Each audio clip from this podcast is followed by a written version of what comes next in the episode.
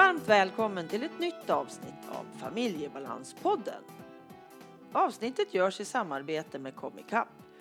Hjälpmedelsföretaget som vill genom mötet med människor förmedla kunskap, väcka nyfikenhet och visa på behovet av kognitiva hjälpmedel och sinnesstimulerande produkter. Du hittar dem på comicap.se. Klicka in dit så hittar du de föreläsningar, temadagar och andra event som de kommer att hålla under 2019. Det här avsnittets gäst heter Sofia Pilsgård. Hon har skrivit boken Isas hemlighet. Och den har hon skrivit utifrån sin egen erfarenhet. Hon hade velat läsa en sån bok när hon växte upp. Sist i avsnittet kommer just den boken som boktips. Ann-Katrin Noreliusson heter jag som driver den här podden. Och jag vill med podden och mitt arbete förändra situationen för personer som har en eller flera NP-diagnoser. Och det gör ju jag genom att föreläsa, jag coachar, jag handleder personalgrupper. Och allt det här gör ju jag för att öka kunskapen och för att det ska bli bättre med förhållningssätten runt personer som har någon MP-diagnos. Det är jätteviktigt för mig tycker jag. Att vi måste lyfta hela det här och det ska bli bättre. För kunskapen finns och då ska vi göra det bästa av den. Och du vet väl att du som är anhörig till någon som har tvång, du kan ju gå webbkurs hos mig och familjebalans. Och där får du lära dig vad tvångssyndrom är, hur du som anhörig ska göra och vad det finns för hjälp. För den som har OCD alltså, eller tvånget.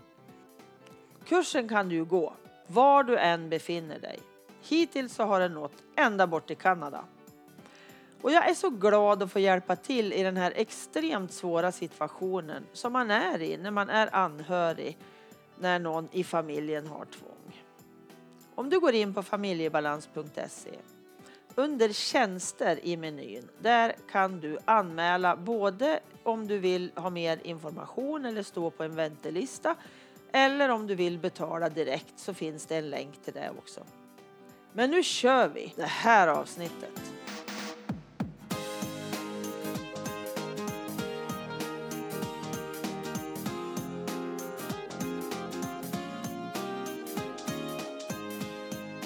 Hej Sofia! Hej! Och hjärtligt välkommen till Familjebalanspodden. Tack för att jag får vara med. Det här känns så fantastiskt roligt. Det är ju jättekonstigt att säga att det är roligt att prata med någon som har OCD. Men om man förstår mitt roligt med spännande, intressant, givande. Jag blir alldeles lite, lite extra vild. jag tycker att OCD är så sjukt intressant och det är så jädra viktigt att lyfta. Ja, jag, jag håller med dig. Ja. Jag håller verkligen med. Det är så låg kunskap i samhället så jag sliter ja. mitt hår. Ja. Men och Sofia, det... berätta ja. lite. Vem är du? Ja, vem är jag? Jag är idag en 43-årig eh, eh, mamma till två barn. Ehm, jag är förskollärare och jag har även eh, varit väldigt djupt nere i OCD-träsket om man säger så. Mm. Eh, och det började redan i eh, 7-8 års ålder. Okej. Okay. Och eh, sen så eskalerade det väl än mer runt tonåren och det var inte förrän jag var 25 år som jag fick hjälp. Okay. Så cirka 17 år så gick jag utan hjälp. Och jag kände liksom att någonting inte stämde om man säger så. Oh. Och man blir ju väldigt duktig på att dölja sina besvär och mm. så. Mm.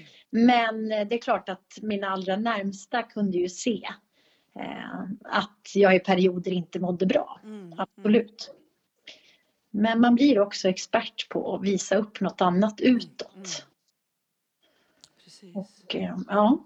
Men, men hur gick det till då när, när du var 25 eller på vägen till mm. där? Det måste ju ha varit en process tänker jag. Att... Ja men det var en process. Eh, det var en, en lång process och då hade jag väl kommit, när jag var där runt 25 så hade jag liksom då var jag väldigt, då var jag liksom deprimerad mm. på grund av tvånget. Ehm, och kände att jag, jag hade precis var färdig förskollärare.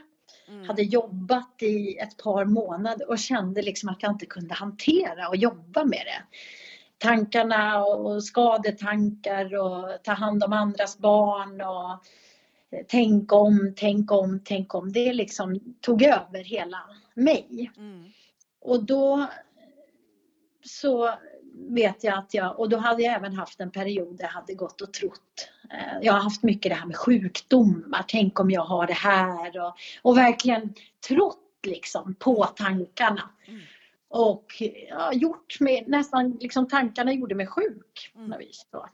Eh, och, och då, alltså det kan ju, det kan ju bli hur tokigt som helst verkligen. Mm. Hur, och det blev det. Mm. Så att jag, jag trodde att jag hade fått HIV. Eh, jag visste, det fanns ju liksom ingen möjlighet att jag skulle kunna ha fått det men det spelade liksom ingen roll. Jag, jag hade fått det. Mm. Och sen så var det liksom en, bara, alltså jag gick i säkert två och ett halvt år med de tankarna att ja, men jag kommer ju dö nu. Mm. Mm. Fruktansvärt där. Ja, det var fruktansvärt. Mm. Verkligen. Och då vet jag att jag träff, äntligen träffade rätt.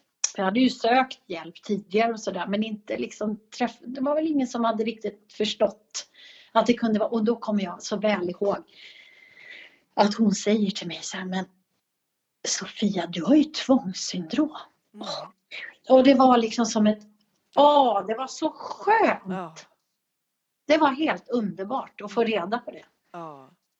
Men hur lång tid var det här emellan från det att du började söka hjälp till att det var hon som fattade något där? Ja, ja det var ett, kanske Flera år? Ja, det var flera år. Jag vet att jag hade kontakt med någon när jag gick på lärarhögskolan och hon fattade ju inte alls liksom vad det var. Och sen då så var det via eh, jag måste väl ha sökt via vårdcentral eller någonting och så fick jag kontakt med någon eh, psykiatriker måste det väl ha varit. Mm. Jag kommer inte riktigt ihåg. Eh, och hon sa liksom att nu, nu måste du liksom komma upp ur depressionen och då började jag med medicin. Och eh, sen så tar vi tag i KBT eh, efter det tyckte hon. Mm. Mm. Och det, det var underbara nyheter för mig. Mm. Fantastiskt det. Att det gick att göra ja. något förstår jag. Ja, så jag trodde ju liksom att jaha, det är väl så här det är. Och jag tror att folk i min omgivning, med att jag har hållit på med det här så länge, så blir det liksom lite att ja men hon är ju sån. Ja. Så. Och det är ju det som är farligt också tror jag. Precis, absolut, absolut. Att man tror att jo, men det är väl så här det ska vara, för det här ja. är normaltillståndet ja. för den personen. Ja, men exakt. Ja. Men minns du något av vad hade du för tvång när du var barn, då när du var sju, åtta år? Ja, det, det minns jag väldigt väl. För det, det, det var liksom tvånget började smyga sig på. Mm. Och jag minns redan i förskoleåldern så hade jag redan det här skräck för att kräkas. Mm. Eh, magsjuka, jag kommer ihåg när kompisar på förskolan blev dåliga. Och jag fick sån fullständig panik så jag bad ju liksom fröken, nej men jag mår också illa och ni får ringa mamma och liksom. Och så, så fort jag kom hem så var det ju så här, yes, åh oh, nu slapp jag vara i det där. Mm, mm. Och sen liksom blev det ju bara ju, ju mer eh, kunskaper man fick som barn och så blev ju liksom tankarna och, och oron för sjukdomar, för mycket sjukdomar var det, mm. väldigt mycket.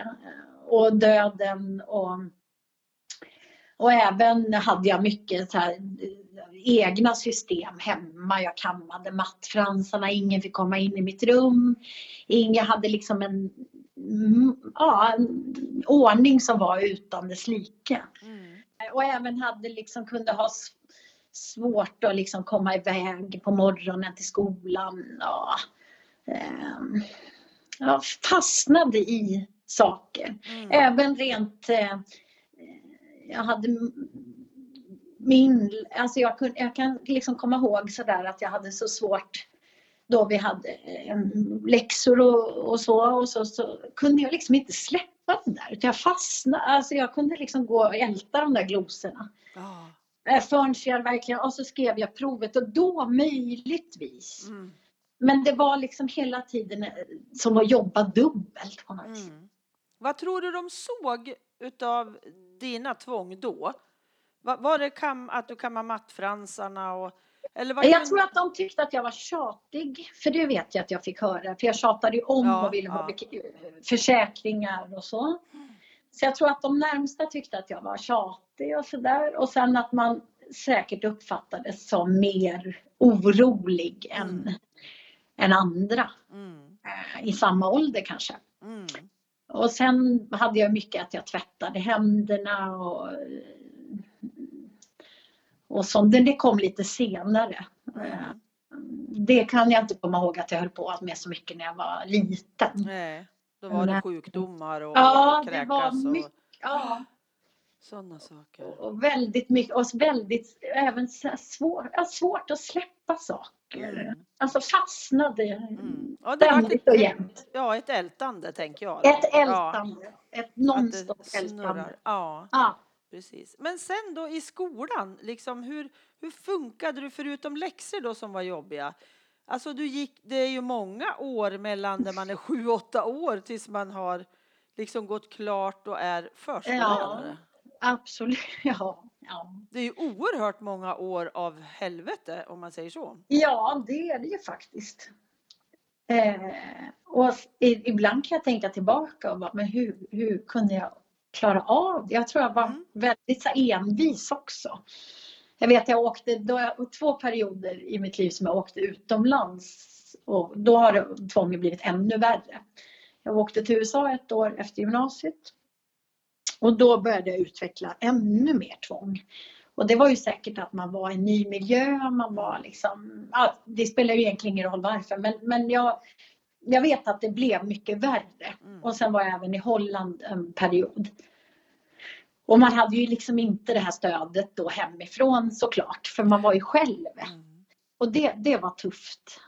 Jag tänker ju, ja, jag tänker ju att det, det blir en helt annan stress. Ja, stressen drar ju på OCD. den gör ju det. ja, Den gör ju det. precis. Så det är inte så är ju- konstigt att det blev värre, tänker jag. Nej, nej. Nej, det är det ju inte. Det var ju Nej, verkligen inte. När man tänker Ja, jag har nog varit sådär gett mig tusan på att jag ska minsann göra det här ändå oavsett vad. Och inte gett mig liksom. Mm. Jag vet att då när jag var i USA, där det var ju många gånger man kände att men gud, jag måste åka härifrån. liksom. men, jag måste... men det var så här, nej, jag har sagt att jag ska vara här ett år. Och jag vet inte om nästan tvånget kom in i det med, att man blir så envis. Alltså nej, jag, har liksom, jag kan inte komma hem innan det, det går inte. För det känner jag igen. Att det blir, man blir så ett, man har ett rättspatos Ja, jo. som är hur stort som Mhm. helst alltså. Mm. Man ska vara så jävla rätt. Ja, Och jag får, har jag sagt ja, då får jag aldrig backa på det sen.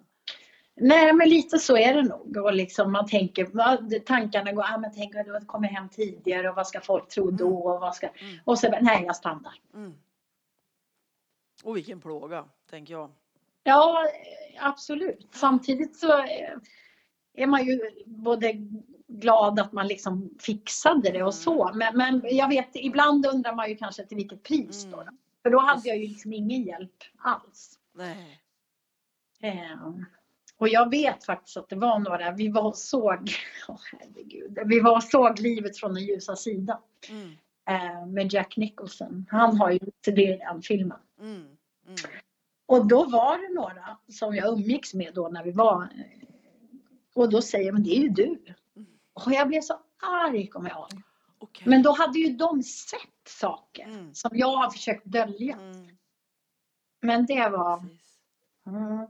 Den är bra den filmen tycker jag. Ja, den är riktigt bra. Mm. Det var bland de första filmerna jag såg om OCD faktiskt. Ja. Då Jag tror när- att det var en banbrytande film. Ja, mycket bra. För den är bra på flera olika sätt. Inte Ja. bara att man ser OCD utan det är ju liksom, den är häftig på fler sätt. Ja, det är den. Sådär. Det är den. Mm. Spännande. Men vad hade du velat att de skulle ha gjort då när du växte upp? Vad, ha- hade du velat att de hade knackat på eller stuckit hål på din OCD-bubbla och, och liksom sagt, vad, vad hade du önskat? Ja, jag har ju då skrivit en barnbok nu som heter Isas hemlighet. Eh, och det är ju den där boken som jag önskar hade funnits Mm. när jag var barn. Att jag hade kommit på något sätt i kontakt med den boken Mm. och känt att och kunnat få hjälp tidigare. Mm. Och det kan jag väl känna liksom att, att kunskapen, om den inte är, riktigt fullständig nu så var den ju än värre för Oh, ja. 30 år sedan. Alltså det var ju alltså katastrof. Jag tror inte man överhuvudtaget eh, kände till begreppet tvångssyndrom eller OCD eller jag vet inte ens om det hette det då eller om det hette tvivelsjuka eller jag vet inte. Det har, Nej, det har ju hänt jättemycket på det har senare år. Ja. Och det, och det tycker jag, det måste hända än mer. Liksom. Oh, ja. Oh, ja. Eh, och det är väl det jag känner, att det är så viktigt att sprida kunskaper om det. Mm. Eh, och att barn ska liksom få hjälp tidigare så att, man inte, för att det försvinner liksom inte om man inte får. Man måste liksom sätta in rätt hjälp Mm. tror jag. Annars blir det bara värre och värre. Ja, och så det här att vi ska vänta och se, det är ju något som jag hatar det uttrycket. Alltså. Ja, vad är det vi ska vänta Ja, typ. Eh, Det, det, det, det, det hjälper ju ingen. Utan, och det kan ju vara, det behöver väl inte vara att man har en, eh, att det begränsar en i allt. Men om det begränsar en, en i mycket saker så behöver du ju faktiskt få, få Mm. expertis som kan hjälpa dig i det. ja, så fort det blir plågsamt tänker jag. Ja. När man ser att det här är liksom, det här blir inte bra för, för Nej. den här individen. Nu är det någonting som Precis. skaver utav fasiken. Mm. För man märker ju rätt väl tycker jag att det här, den här ungen mår inte bra. Nej. Och då ska eh, barnet, ställer man då de rätta frågorna Ja. till barnet så tror jag att de är helt villiga på att öppna upp Mm. sig. Och att man kanske inte ger sig då, men jag, jag ser ju faktiskt att, att hur, hur är det liksom, jag, hur, det känns inte som, alltså hur är, varför kommer det för sent? Är det verkligen bussen som gör det? Mm. Och då kanske barnet själv får, nej, nej, det, nej jag, jag, kollar, jag kollar all elektronik Mm. hemma eller är så rädd det ska brinna eller tänk om jag har tappat det eller ja, Mm. vad det nu kan vara. Alltså att man inte ger sig som Ja, vuxen. För jag, som, I min yrkesroll har jag ju sett barn som, som alltifrån har tvättat sig mycket mer än vad jag... Som man, liksom blir, som man blir lite, får lite varningssignaler. Mm. Mm. Det, det tycker jag man ska våga som vuxen se Mm. Och ta tag i. Absolut tycker jag. Och för det, det, det, det gagnar ingen att vänta. Nej, det gör inte det. Det är, alltså, och medicin räcker ju en bit tills ungen är kapabel till att ta emot KBT. För det är ju, Mm. vägrar man så går det ju liksom inte. Då är det Nej. svårt att få ett samarbete. Om man inte då är envis och provar igen och igen och igen. Nej, precis. Det är ju att man får ju inte ge sig liksom. Nej, man får inte det. Och hela familjen dras ju in i, i, i Ja, kan ju dras in i barnens ritualer. Absolut. Eh, Och där måste man ju också eh, våga se hur illa det kan vara, Mm. tror jag. Och inte se det som ett normaltillstånd att hela familjen måste duscha innan de Nej. går innanför dörren eller ja, vad det nu Alltså- kan vara. Det är liksom inte okej. Det, då är det något som inte stämmer. Ja men exakt, där alla måste byta kläder innan de Ja. kommer in. Ja men alla de här, det finns ju tusen olika varianter Jajamän. på vad familjen måste göra. Ja. Och det är ju bara att sätta emot. Så är Ja. det ju. För det hjälper ju ingen att Nej. göra det. Nej, nej, nej, nej. Det blir bara tok. Men jag vet ju att det är jättesvårt för många att gå emot de här extremt svåra situationerna när vederbörande blir jättearg. Och så är det ju. Ja, Men alltså både, både de anhöriga och den som har OCD måste ha hjälp. Det är ju Mm. så. ja, För jag måste få kunskapen som anhörig också. För att Precis. förstå vad jag ska göra. För att vara Ja. snäll och, och följa med i tvånget är ju inte snällt. nej. Det är ju gräsligt det, i längden. För det gör Ja. ju det bara tok liksom. Och det minns ju jag att mina föräldrar hade ju inte den kunskapen och då minns ju jag att jag fick ju alla de här försäkringarna men det hjälpte ju inte. Nej. Det gjorde det bara ännu värre. Ja, Lova att jag inte blir sjuk. Nej, du kommer inte bli sjuk. Ja, men hon kan ju inte lova det. Nej. Börjar man, men då, nej men gud, det, det kan ju inte hon. Och sen, du sa ju att jag inte skulle, och så, och så är man igång Ja, liksom. precis. Nej. Eh, Det gäller ju som anhörig att stå väldigt stadigt. Det Mm. vet. Och klara av att stå emot alla de här både kontrollfrågor och tröstefrågor och allt, alla de här delarna Ja. som finns runt omkring. Men det behöver man ju kunskap för. Ja, Det är ju så. och det är bra att du sprider dem tycker jag. Ja, jag tycker att det här är Ja. så viktigt. För jag Ja. ser ju genom att min son har ju fler diagnoser än OCD. Precis. Och eh, då har vi ju liksom, jag ser ju att OCD är hans absolut svåraste. Mm. Det är ju det som knäcker han totalt alltså. Han, för det säger han själv, det andra kan jag hantera. För det är inte så handikappande som OCD är. Nej. Så det känns så himla viktigt att, att göra så rätt som möjligt liksom runt Mm. den. Och Mm. med alla andra då, för jag har ju handlett också på äldreboenden och så, där det finns någon med OCD som bara har blivit sjukare sedan de kom in på det här äldreboendet. Just det. Därför att alla gör och vill vara snäll. Och vi vill ju vara snälla mot de som vi har omkring oss, så är det ju. Såklart. Men då blir det ju fel om man ska Ja. följa med i tvånget. Det blir ju Ja. bara tok Ja. utav det. Så. Ja. Men jag tänkte vi ska prata lite om din bok. Och jag Ja. har den i min hand. Jaha, vad härligt. Jag har den. Jo, Ja. men berätta lite grann. Du skrev den här boken. Hur länge sedan är det? Eh, ja, den kom ut i, eh, i september 2018. Den är ju Eh, faktiskt så alldeles ny egentligen. Ja, det är den faktiskt. Och eh, jag hade väl haft eh, redan när jag själv fick reda på att jag hade tvångssyndrom så började jag göra egna serier och sånt. Jag har alltid gillat att teckna och sådär och skriva och så. Men sen så var det väl för eh, ett par år sedan som jag kände, men gud det finns ju ingen litteratur direkt riktad till barn. Nej. Och då kände jag att det måste vi ändra på. Och den här är ju, handlar om en björn som heter Isa. Som eh, fastnar i sina tankar och sina handlingar och utvecklar ett tvångssyndrom. Och, ehm, och den, jag vill att det ska vara en hoppfull bok. Ehm, det har varit viktigt för mig, liksom att det inte bara är den tar ju upp mycket om resan, liksom hennes och det här med att hon döljer saker som hon gör och, Mm.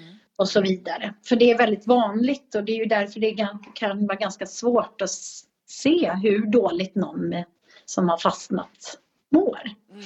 Mm. Ehm, men, men just då att hon blir även lättad då när, hon får, när hennes familj till slut märker att nej men, hur är det egentligen? Det här, så här kan du inte ha det. Och sen får hon hjälp. Då. Mm.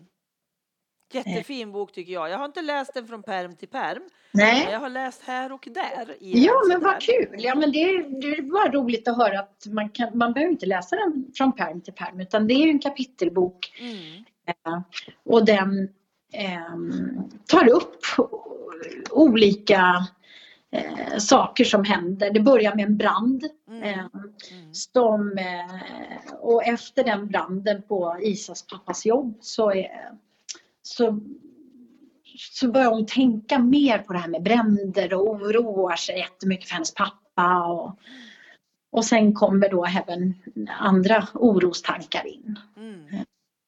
Och det är nog lätt att det kan vara så tror jag. Att det kan kanske börja med någonting som verkligen kanske inte är så stort men sen så kanske det utvecklas än mer. Har du tagit något från ditt liv? In i Jo, den men det har jag absolut gjort. Mm. Eh, absolut. Eh, bland annat det här med hon spelar fotboll och så ska de åka iväg på några fotbollsläger. Och, och sen så börjar hon ju liksom fundera på det där med lägret. Och så är det något jag verkligen klarar av? Och tänk om det kanske händer någonting hemma. Om inte jag är hemma då och gör mina ritualer och sådär så kanske. Så då väljer hon att stanna hemma. Mm. Fast hon egentligen skulle vilja följa med. Och det där kan jag verkligen känna igen mig i. Att man har tackat nej till saker som man egentligen har velat göra. Mm. Eh, på grund av att man har varit för orolig eller så. Mm. Och det, och det blir ju ett begränsat liv och så ska det inte behöva vara känner jag. Nej, Och jag- inte. Jag vill ju inget hellre än att barn ska liksom känna att det finns hjälp att få. Att de inte ska behöva gå år ut och år in. Ehm, Så att ja, jag hoppas verkligen att den här boken kommer hjälpa. Mm. Barn. Mm. Jo, men jag har den med som boktips i min kurs. I min Ja. webbkurs för anhöriga som har OCD i familjen. För Kul, att det är kul. ju i, det är 12 stycken som har gått nu. Ja, vad kul! Och det är eh, inte bara vuxna barn.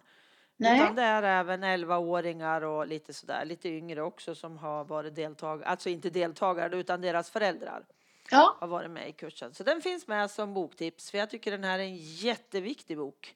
och vad roligt. Att få, jo men alltså få spegla sig i herrejösses, det finns något det jag har. Mm. Exakt. Och jag fick en fin kommentar. Det var en, en finsk tjej som hörde av sig. Eh, och jag var väldigt frustrerad. Jag kan inte köpa boken. Det går inte att köpa den via finlandssvensk. Och så ville hon beställa den till Finland. Men då gjorde vi så att jag skickade den till henne. Och så sa jag det. Men det vore kul om du hörde av dig för att höra för hennes dotter hade drabbats då av OCD. Mm. Och då hade dottern sagt så här, men vet du mamma, jag har ju, det har inte riktigt lika illa som Isa har det. Nej, okej. Och, det, och då hade det liksom gett henne hopp. Mm. Att Mm. nej men, alltså jag, det, Isa den var värre alltså. Mm. Än vad jag har det. Och det, det var en väldigt eh, skön eh, kommentar tyckte jag. Jag blev väldigt glad över den. Mm. Att den då kände jag, kan jag bara hjälpa någon så, Mm. så, Exakt. så är jag lycklig liksom. Mm. Den här är jätteviktig.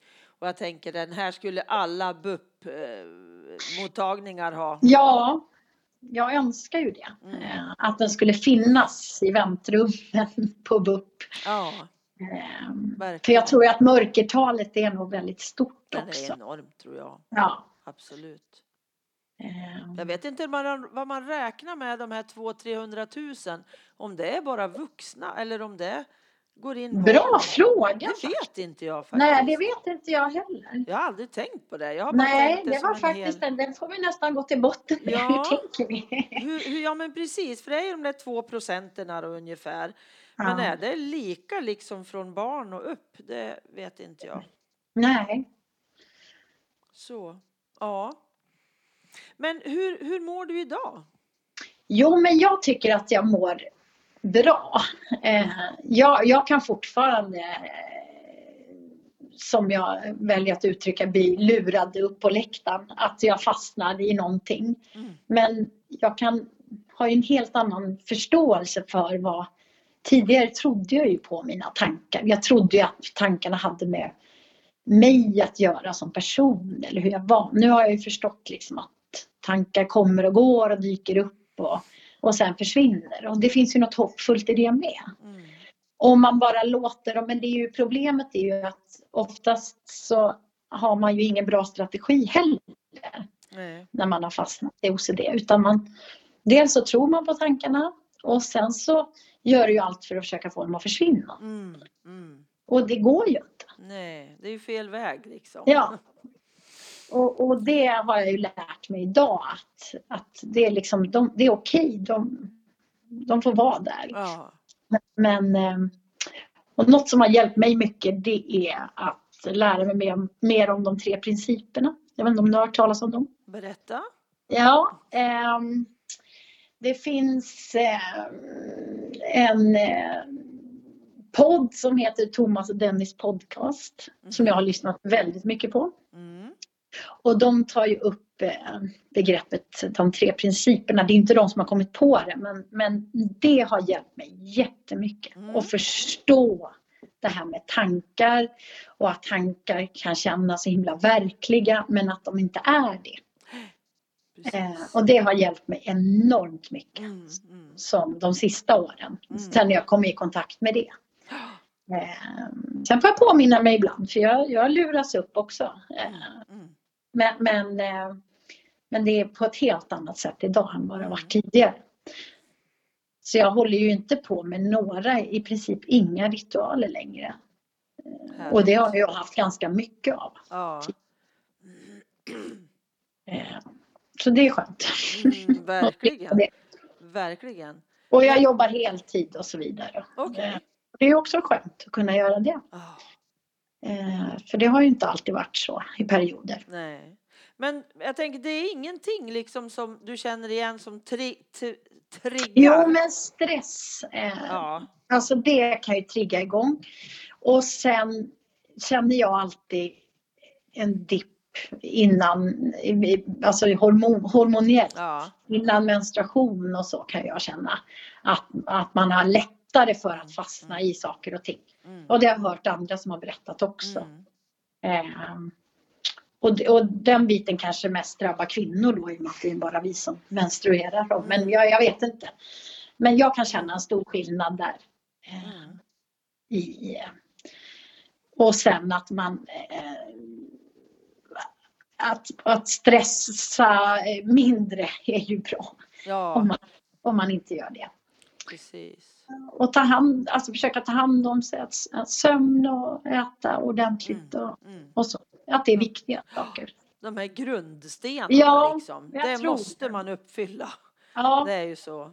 Och för mig hjälper nog träning mycket också. Mm.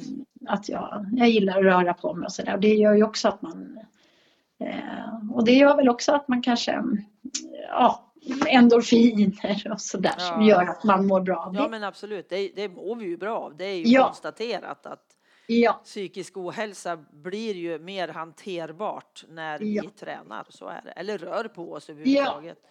Man måste ju inte vrålträna men att vi rör oss liksom.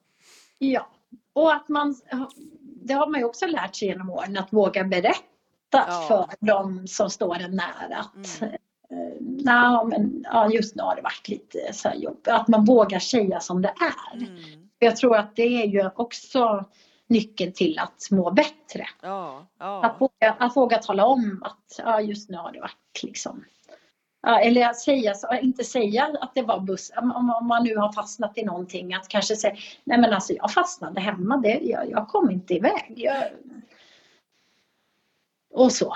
Eh, och, då, då, tror jag man kan avdramatisera ja. vissa saker också. Finns det någonstans där du inte skulle berätta det alls? Där det är liksom, nej, det är inte där, typ? Ja, men det har ju varit många sådana situationer tidigare. Mm. Eh, men sen jag skrev boken så kände jag ju att nu, alltså jag tänker inte skämmas för det här längre. Nej. För det har jag gjort så många år. Så att, mm. Men jag vet ju att jag har tyckt att det varit jobbigt tidigare att berätta kanske för kollegor och, eh, och så.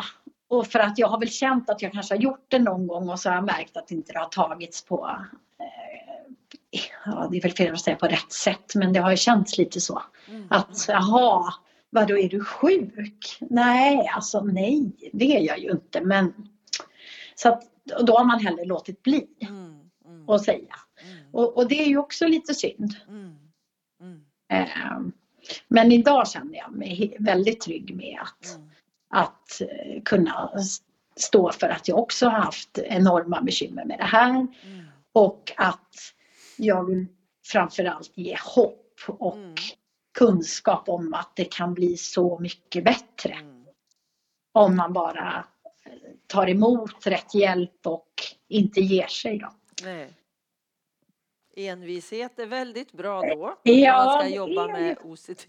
Jo, men det är ju faktiskt det. Ja. Och, och med KBT och så också. Jag menar, jag, jag, jag, som sagt, jag slutade ju jobba med det jag älskade och sen i och med KBT så kunde jag börja jobba som förskollärare igen. Mm. Och det var ju helt, det var ju en fantastisk seger. Mm. Det är ju många år sedan nu och ja. jag känner ju att eh, det ska liksom inte, OCD får liksom inte vinna. Nej. Bra Utan, tänk. Ja. Viktigt tänker jag. Jo, ja. Men man tänker så här som Alltså OCD tar ju en jäkla massa tid mm. i, av ens liv. Mm. Hur tänkte du när du började med KBT? För man behöver ju fylla på med saker då som man ska mm. göra istället för att tvånga liksom. Mm. Hade du någon strategi där på vad, vad, du gjorde istället? För det tänker jag är jätteviktigt för många som går i KBT att de får faktiskt tänka på vad ska jag göra istället då? För Mm. du kommer ju att frigöra massor med tid. Ja, det är sant det. Eh, vilken bra fråga. Eh, det är ju ett tag sedan jag själv gick i Mm. KBT. Så jag har lite svårt att minnas hur jag, men, men framförallt så var det ju den här eh, glädjen över att när man liksom klarade av mer och mer saker. Att det, att, och att, att jag tror att det är viktigt att den som håller i KBT och även säger att det kommer vara perioder då det inte går lika lätt. Mm, mm, Ehm, och, sen, och sen går det bättre och sen kanske det är lite jobbigare igen och att, att det får vara så, att det är okej. mm, liksom. mm. Eh, Och man ska inte tro att man kan vända på någonting som man kanske har hållit på med väldigt länge bara så här. Utan det, det är ju också en process. Och, och den, men, det, men, men just att ge eh, hopp och liksom inte ge upp Mm. även när det känns som eh, jobbigast att men hur ska det här gå? Kommer jag någonsin bli Mm, bättre? mm, Eller så? Och det kommer man att bli. mm, mm, Eh, absolut. mm. Eh, och även känner jag rent medicinskt så tror jag att även medicin är ju inte fel det heller om man, om man vill testa det också. Jag tror man behöver båda väldigt ofta. Ja, det tror ju jag med faktiskt. Att du måste ha någonting som lyfter mig ur det svartaste liksom, upp till att känna att jag kan hantera och liksom och sen kommer KBT på det och med tiden kanske jag kan trappa ner medicinen men Precis. man får inte vara rädd för Nej, att våga prova faktiskt, Nej. tycker jag i alla fall. nej, det tycker inte jag heller och det, och det är också tycker jag är viktigt och jag har inga problem att säga utan jag skäms inte över det utan jag, jag tycker ju bara det att det är någonting som är väldigt positivt att det finns den hjälpen. Mm. Och att man ska verkligen inte vara rädd för den hjälpen. Och även om du skulle då sluta och så vara tvungen att börja igen, det är liksom inget nederlag. Utan jaha, men då var det så jag behövde Ja. göra. Precis. Det är inga konstigheter. Liksom. Det, det, jag, jag tror faktiskt det. Att det är viktigt att man inte fastnar i det också. Liksom. Att nej, men jag ska minsann klara mig själv och nej, det får inte vara, nej, jag ska inte ha någon hjälp och, och så. Och, då, och då kanske det blir, ja, så då, då vet jag inte. Nej, men vi måste våga sträcka ut handen, både som Mm. anhörig då och lika den som har OCD och är vuxen. Mm. För där kan jag ju faktiskt sträcka ut handen själv. Men som Mm. barn så måste jag ju förlita mig på mina, med mina föräldrar. Precis. Och de måste våga Ja. ta emot hjälp. För det är lätt Ja. att man döljer också, att så man skyddar Mm. familjen. Att nej men gud, det här, vi har det här för oss själva och så får vi Precis. se vad det blir. Och Mm. det är inte, nej, det är Nej. aldrig säger jag. Sök Nej. hjälp. Ja, jag håller med. det. Det finns bara det. Ja, Det var en bra slutkläm. Ja, Precis. absolut. Har du något mer som du skulle vilja tillägga Ehm, i vårat samtal? Ja, Något tips eller sådär? ja att man inte att man lära sig om de tre principerna. Jag säger det igen. Mm. Det har hjälpt mig enormt mycket. Mm. Ja, nu har jag förstått hur, to- hur det har kunnat bli så tokigt. Mm. Vad, Men- vad är de tre principerna? Ja, eh, det är... Jag Ska vi googla på det? Ja, det får vi nästan göra för jag kan dem knappt i huvudet fast jag har hört dem så många gånger. Nej, fast det är din. lite ska vi se. Det finns en kille som heter Dennis Westerberg, har du hört talas om honom? Nej, Nej, är det han en har skri- de där Thomas och Dennis där? Ja, han har skrivit den här boken och den här boken vann jag i någon sorts tävling. Och jag kommer ihåg att första gången jag läste boken så fattade jag inte. Och sen fick jag läsa den en gång till och då började jag förstå. Mhm. Och det är likadant, de har ett, ett avsnitt i deras podd är om OCD. Mhm. Och första gången jag lyssnade på det så blev jag provocerad och bara, men vadå? Tank, de tankarna är ju annorlunda. Ja. Så bara, nej men det var de ju visst inte. Så när jag hade lyssnat på det tre gånger tror jag, då det trillar ju polletten ner. Mm. Ehm, så att eh, de tre principerna är, nu ska vi se. Eh, sinne, medvetande och tankar. Och så, Okej. ja, nej men man får nästan eh, Man måste läsa lite grotta in det. Ja. sig och läsa på lite om det. Det tipsar vi till, till lyssnarna Jag tycker nu. det. Jag försöker tipsa eh, allt och alla människor om det för det har hjälpt mig så oerhört mycket i tvånget. Mm. Vad hette han författaren? Så Dennis... Han heter Dennis Westerberg och han har skrivit Bara en tanke. Och det jag tycker är så bra med de här killarna det är att de själva har mått väldigt dåligt. Så att de vet vad de pratar Ja. om och hur det här kan hjälpa liksom Ja. alla. Och att, inte, att vi gör, gärna komplicerar till saker och ting. Mm. Och då blir det bara ännu värre. Mm. Men då tipsar vi om den podden. Ja, jag tycker faktiskt det. De hette Thomas och Dennis. Thomas och Dennis och de har en podcast och Ja. den är väldigt stor. Jag tror de har 40 000 lyssnare i månaden. Oj, ja den är Mhm. stor. Mm. Där ligger jag i lä kan jag säga. Ja, ja, men det... Jag vet aldrig. Saker och ting kan hända. Precis. Och så boken som Dennis Westerberg har skrivit heter Bara en Ja. tanke. Bara en tanke. Mm. Och, eh, och så Isas hemlighet såklart. Och så Isas hemlighet, den ska jag... Jag har ju tipsat om den en gång tidigare i podden. Ja, Men jag kommer att tipsa om den igen och länka den till eh, så att man kan eh, köpa den. ja vad gullig det är. Mm. Tack. Självklart, för jag tycker att det är en jätteviktig bok. Vad Absolut. roligt. Och jag Ja, är ja. jätteglad att jag fick prata med dig Sofia. Ja, men tack. Det var väldigt trevligt tycker jag. Jättekul. Hej då Sofia. Hej då och tack. Tack själv. Och hej då publiken. Hej då.